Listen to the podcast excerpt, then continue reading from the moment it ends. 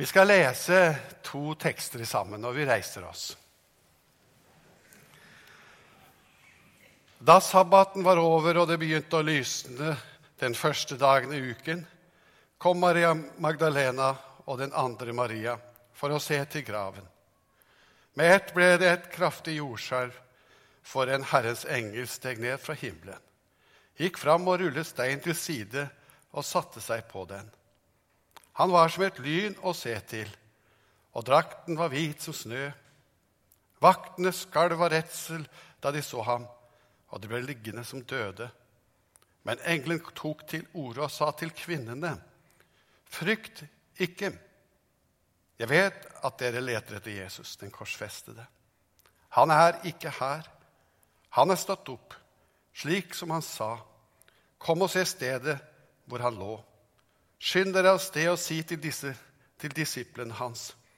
Han er stått opp fra de døde, og han går i forveien for dere til Galilea og der skal dere få se ham.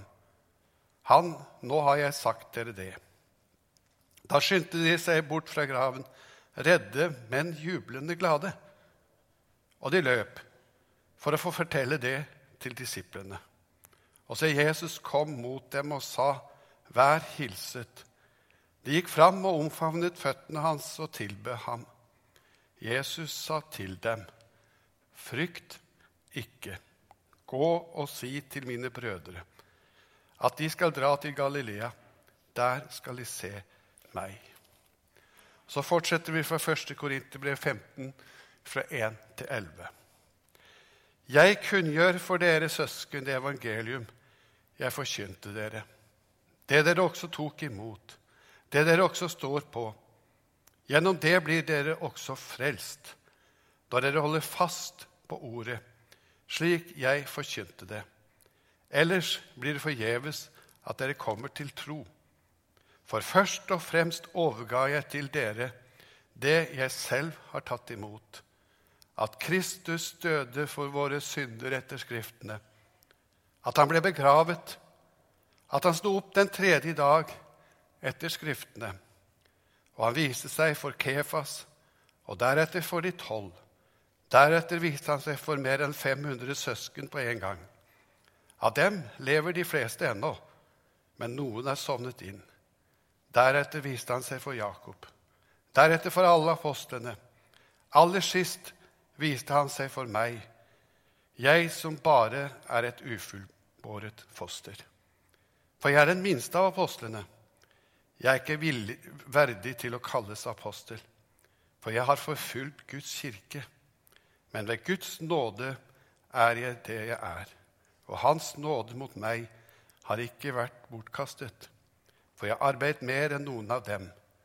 Det vil si ikke jeg, men Guds nåde som er med meg.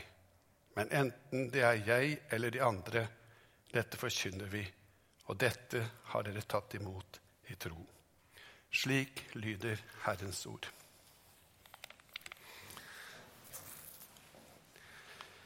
Kjære menighet. Nåde være med dere og fred fra Gud, vår Far, og Herren Jesus Kristus. Gratulerer med dagen. Påsken er de store begivenheters tid. Det er et voldsomt drama som utspinner seg foran våre øyne. I denne tid hører vi store ord om etterfølgelse. Peter sier at om alle andre forlater deg, så skal ikke jeg gjøre det. Jeg er forberedt til å gå i døden med deg. Og vi hører hans fornektelse, at han banner på at han ikke kjenner Jesus. Vi hører om Judas som selger Jesus for noen få sølvpenger. Og vi hører om alle de andre i dette dramaet. Påskedramaet. Det river på mange måter en del verdier som vi kjenner til, i stykker. Dette å stole på mennesker. Dette å stole på menneskelig rettferdighet, det rives i sund. og desillusjonerte og redde trekker disiplene seg tilbake. De som hadde fått et klart oppdrag om å følge Mesteren, og hadde ofret på en måte alt og fulgt ham. De som hadde så mange mektige minner om livet sammen med Jesus. Han som hadde denne guddommelige kunnskap som de ikke kunne slutte å beundre når han underviste dem. Han som hadde denne guddommelige makt og stillet stormen. Og han som på en guddommelig måte helbredet syke og vekket opp døde. Han som preket på en sånn måte at folk ble forandret, og folkeskarer fulgte etter ham. Syndere og tollere holdt seg nær til ham. Nå var han død, ca. 33 år gammel. Alt har falt i grus. Han var begravet, og de satt der bak låste dører. De hadde satset alt på denne mannen, men nå var deres håp knust. Steinen var rullet fram foran grava. En stor stein. Noen sier den veide kanskje to tonn. Noen kvinner var oppe før solen og på vei mot graven for å salve Jesu legeme. For å ta den endelige avskjed. For å sette det endelige punktum. Men hvem skulle fjerne den tunge steinen? Hvem skulle hjelpe dem? Kanskje soldatene kunne ha litt myke hjerter denne dagen når allikevel alt var tapt, ville vise dem litt respekt, slik at de kunne komme til å få salvet sin venn. Og mens de gikk nedbøyde av sorg imot graven, skjer det noe. En engel kom, står det, og det ble et kraftig jordskjelv. Og engelen rullet støynen bort fra åpningen til graven. Og det første disse redde kvinnene får høre fra grava, det er et ord, eller to ord som jeg syns er så nydelige. Frykt ikke. Frykt ikke. Først får du høre det fra engelen. Men i teksten som vi leste, så får vi høre det også fra mesteren selv. Frykt ikke. Dette er en hilsen fra den tomme grav. En hilsen til deg og til oss. Til forskremte kvinner og menn.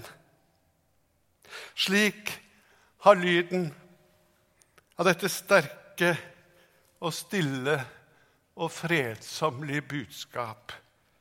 Lytt ifra den tomme grav, helt ifra denne dagen. Og det er et budskap til deg, du som er her nå i dag, denne første påskedag. Du som er redd. Budskapet i dag er på to ord til deg ifra den tomme grav. Frykt ikke. Din synd er sonet. Frykt ikke. Din fremtid er i Guds hender. Den er lys, og den er lang. Enten du er ung eller gammel. Enten du er slave eller fri, syk eller frisk. Budskapet fra den tomme grav til alle som vil lytte til det er frykt ikke, for Jesus har stått opp. Det er mange religioner som på en måte har bygd opp hele sitt regime rundt frykt. Frykt for døden. Frykt for å ikke strekke til innenfor Gud. Frykt for om jeg kan nå til paradis. Og redsel og usikkerhet er i kjølvannet av disse forskjellige religioner. Noen religioner har nok ekstra mye frykt med seg. Dens, eller deres makt er på en måte frykten. Og Samtidig har det vært litt sånn misforstått kristendom òg. Den har spredt litt redsel somme tider. Men en sann kristendom, en sann kristendom er annerledes. Helt annerledes. Den forkynner et budskap ifra den tomme grav. Døden er overvunnet. Jesus lever. Frykt ikke. Gud er en forsonet Gud. Og Mange ganger så kan vi også stille oss det spørsmålet Hva kan vi stole på? Påskebudskapet lærer oss mye om sanne verdier. Hva kan vi egentlig stole på? Jesu venner opplevde en kjempekrise. Jeg ser det for meg. De hadde stolt på liksom, denne etterfølgelsen, dette at de var disipler. De hadde forlatt alt og fulgt Han. Men de opplevde en enorm skuffelse. Disipler kan oppleve det til tid og annen. Peter, som jeg nevnte, opplevde også slikt, en slik skuffelse over sin egen, sitt eget, sin egen karakter, på en måte. Det også kan skje med disipler. De kan bli skuffet over så mangt. Det er liksom ikke noe holdepunkt. Så kan det være slik at du også kan oppleve at troen begynner å vakle. Slik kan det også være for oss enkelte ganger. Vi kjenner oss igjen hos Peter, hos Thomas og hos de andre. Kanskje du også er her i dag, vet ikke jeg, som kjenner litt på at det du stolte på, det du satte din lit til, det ble borte for deg. At du har hatt som ditt sikre holdepunkt i livet, plutselig forsvant. Det kan være et fundament som forsvinner under føttene dine. Det kan være et dødsfall, en skilsmisse. Det kan være tap av helse. Tap også av den fundamentale trygghet i troen. For enkelte ungdommer når de kommer liksom i den tid av livet hvor de skal forlate mor og far, så kan de komme inn i en krise. De har vært i et kristent hjem, og plutselig må de liksom stå på egne bein, skjelvende. Da hjelper det ikke å holde fast på mor og fars tro lenger. Du må vite det sjøl. Det er fint og flott med en mor og en far som tror. Men du må komme inn til Jesus med ditt eget liv. Du må ta standpunkt sjøl. Hva da? Finnes det noe som jeg kan stole på? Noe jeg kan knytte meg til? Noe som holder sjøl om alle andre ting rakner? Både helse, liksom forståelse Alt kan rakne. I første Timoteus så står det slik Dette er et troverdig ord. Troverdig ord, sier han. Og vel verdt å ta imot at Kristus Jesus kom til verden for å frelse syndere. Og blant dem er jeg den største. Paulus, han var opptatt av troverdighet. Han også hadde gått gjennom en kjempekrise. En krise som førte til en ny, et nytt ståsted. En ny, nærmest ny identitet. Han trodde han gjorde Gud en tjeneste da han forfulgte Guds menighet. Men så åpenbarte Gud seg for ham på veien til Damaskus. Han møtte den han forfulgte. Han møtte den levende oppstanden i Jesus. Og så har vi lest et kapittel i dag, eller noe av et kapittel, der hvor vi også ser at det er fryktelig viktig for Paulus å vitne om at dette som vi forkynner, det er verdt å tro på. Det holder.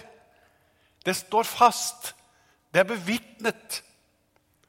Han sier for det første at det som er skjedd, det er skjedd slik som Skriften har sagt. Altså forutsagt. En profeti er troverdig hvis det skjer slik som det er blitt sagt. Du kan kalle det en profet og profetere hvor mye du vil, men skjer ikke det du sier, så er det du sier, løgn.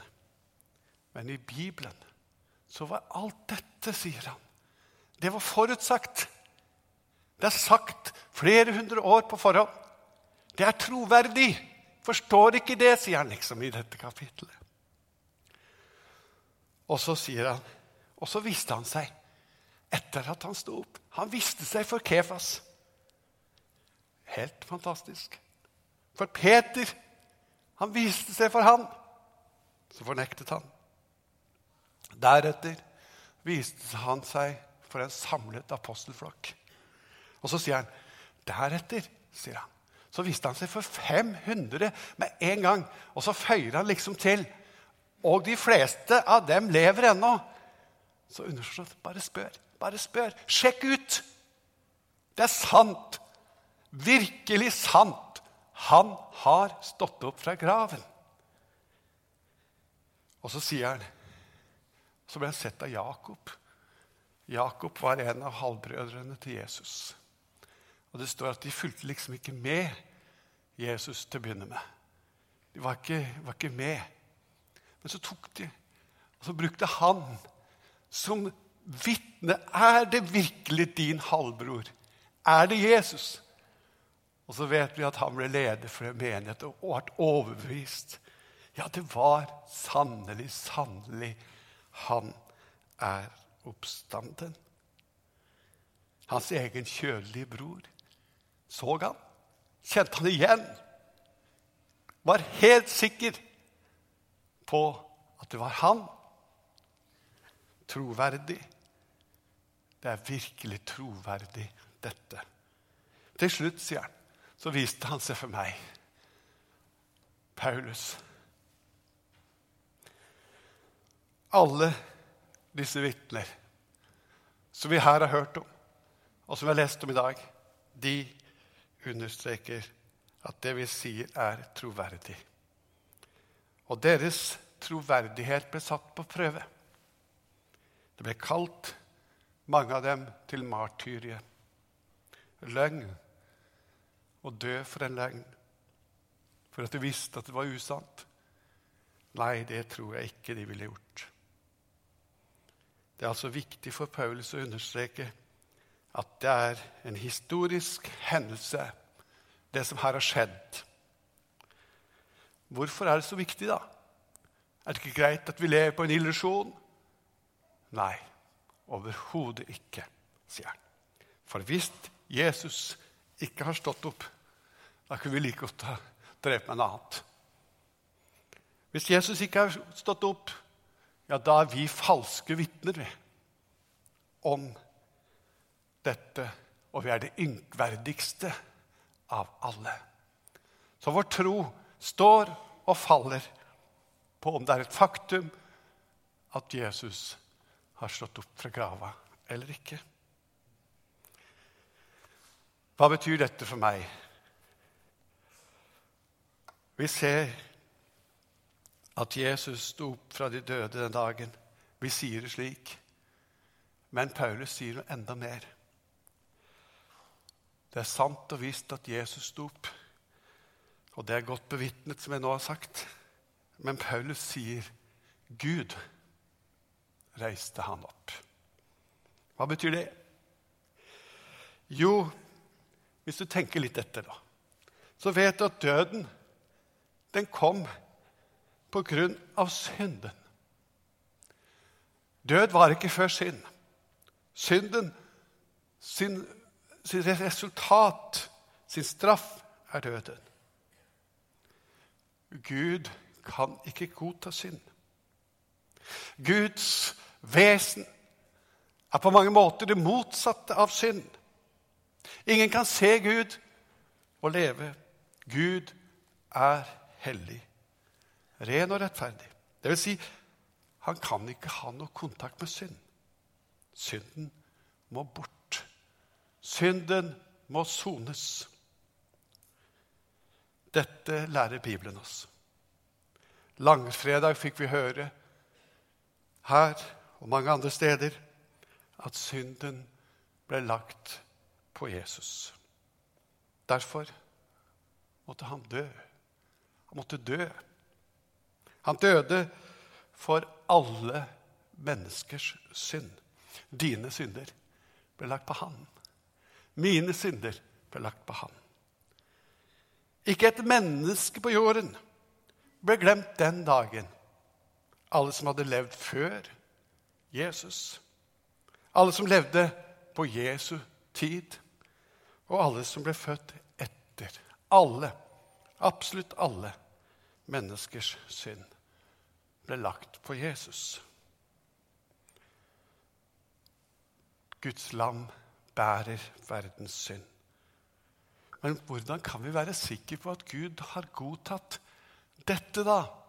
Som et fullverdig offer? Hvordan kan vi være sikre på det?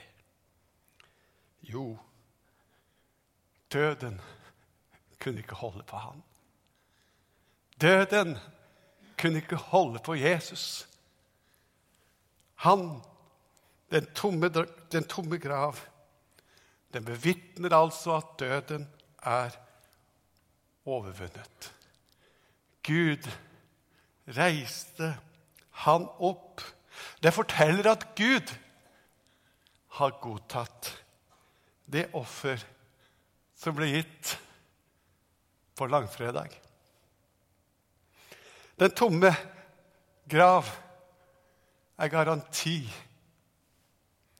Det er beviset på at det er nok, det som Jesus gjorde.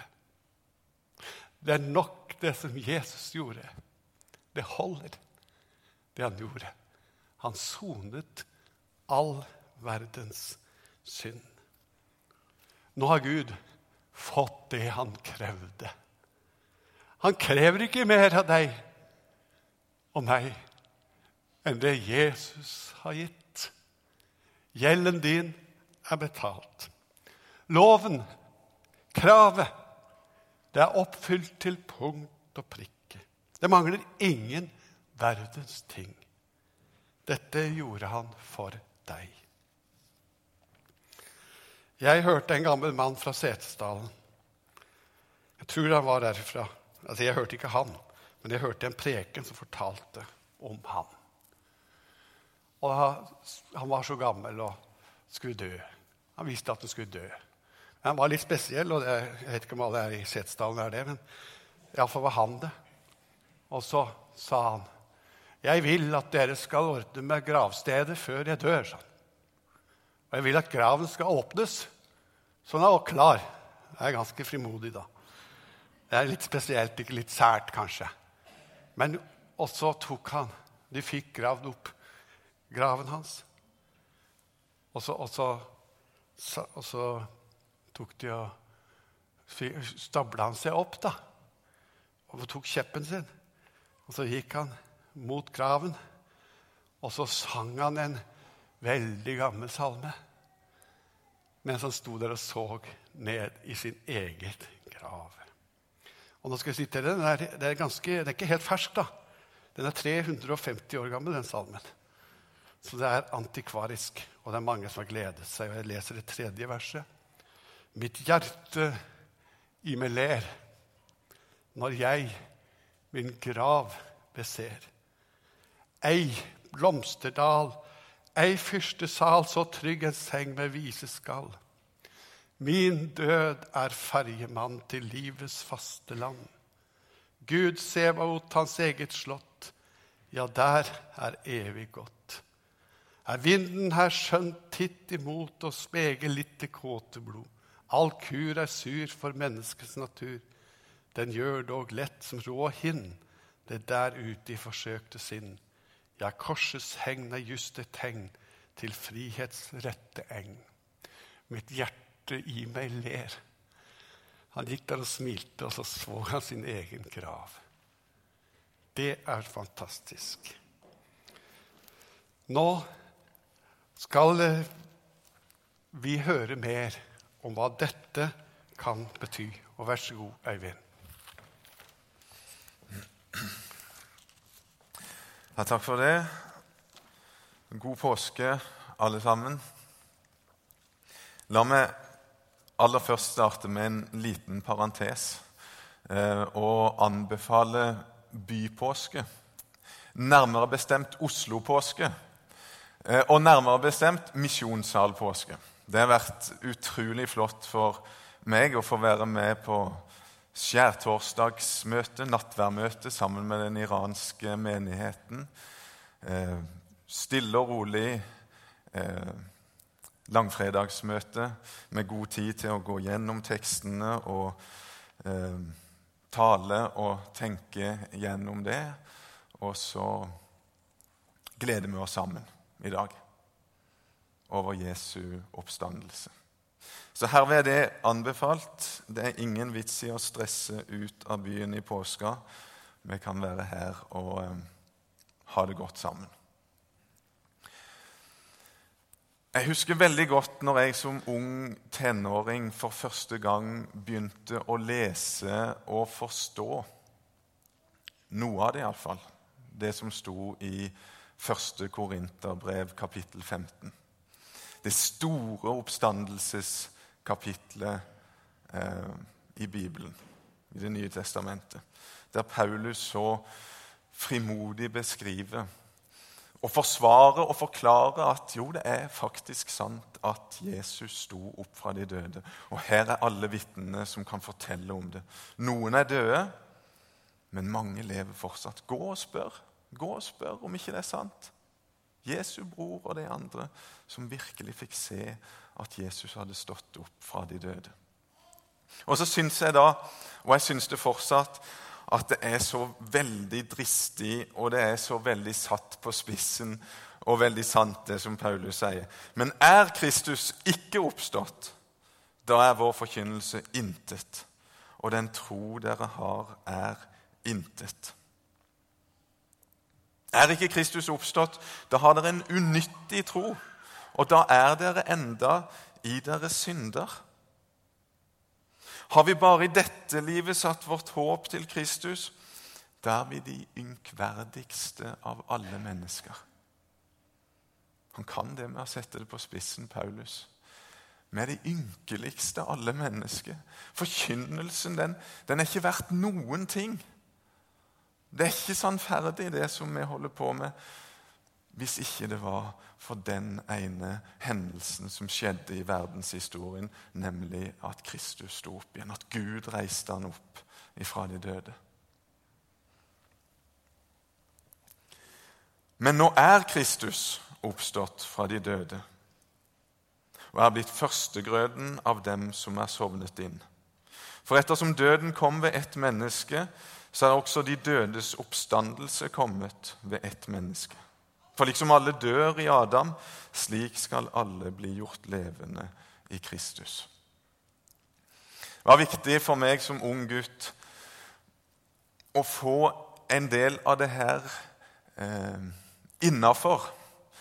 Sånn at jeg skjønte at det går faktisk an å tro på det her uten å være helt dum, uten å liksom legge fornuften fullstendig på hylla. Det finnes gode grunner til å tro. Og når det er sant, sånn som Paulus hevder, så er det verdens beste og viktigste budskap. Så kom Reidun, kona mi og meg til Kenya og begynte å forkynne evangeliet for Digo-folket.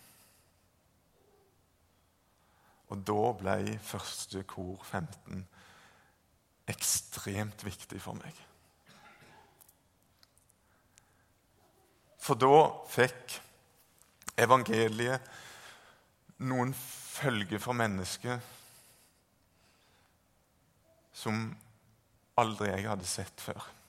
Jeg hadde hørt om det og blitt fortalt at i de fleste muslimske samfunn så er det sånn at mennesket blir jaga hjemmefra, utstøtt fra samfunnet, når de tar imot Jesus. Og så ble jeg en av de som forårsaka det i andre menneskers liv.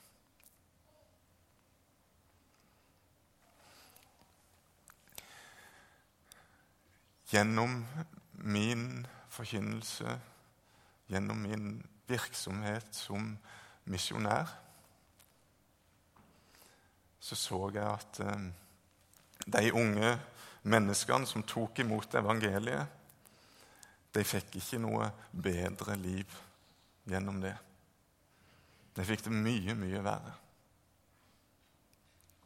Behandla som småunge som hele landsbyen kunne få lov til å håne og mobbe og hetse. Ingen kontakt med den nærmeste familien og utstøtt fra samfunnet. Mange mottok dødstrusler. Kan jeg være med på det her? Kan jeg virkelig forkynne et sånt budskap som får sånne konsekvenser?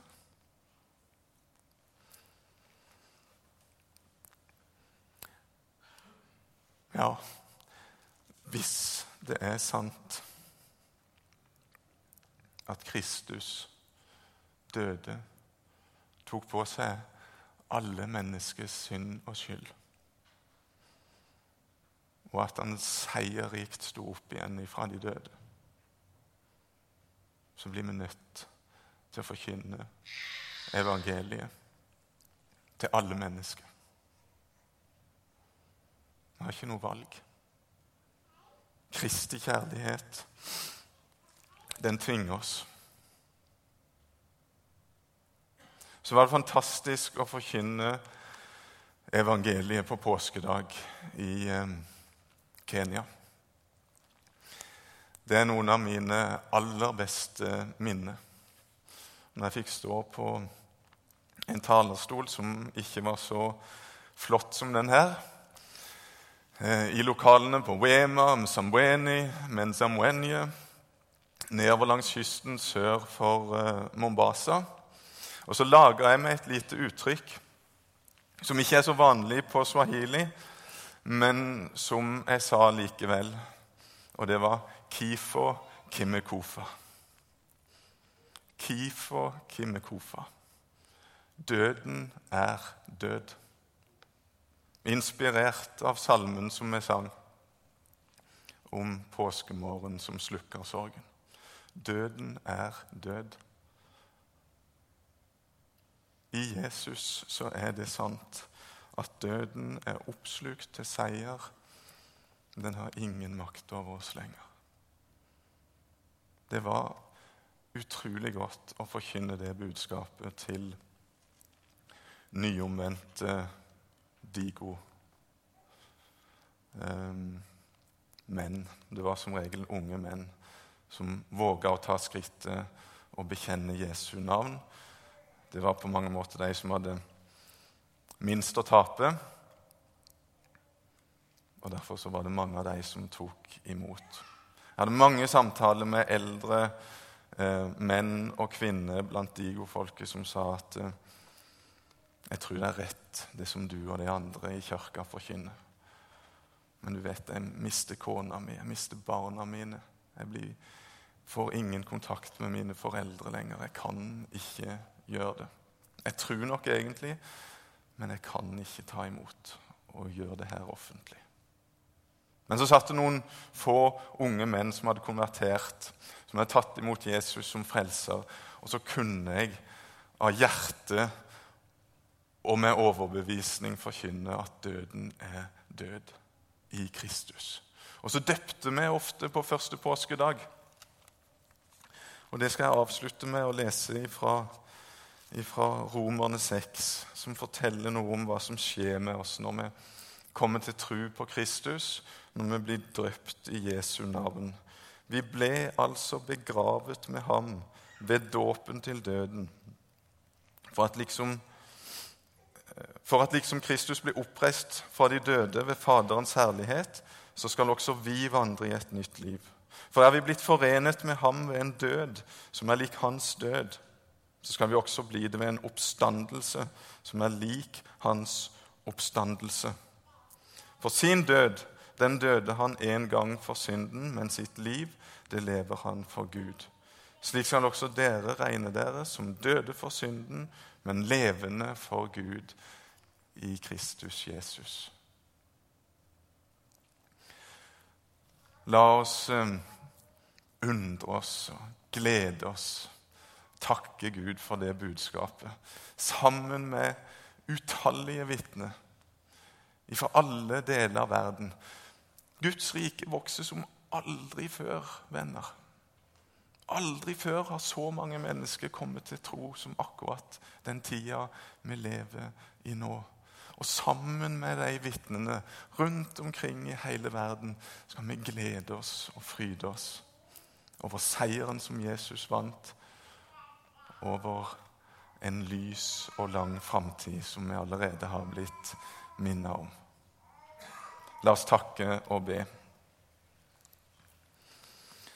Takk, kjære Far, fordi du lot din enbårne sønn lide og dø på korset for vår skyld. Takk, Jesus, at du steig ned og tok på deg all vår synd og skyld og skam. Du gjorde opp for det på korset. Og der på korset så seira du over døden, over det vonde, over synd og ondskap. Så takker vi deg, far, for at du reiste Jesus opp fra de døde tredje dagen.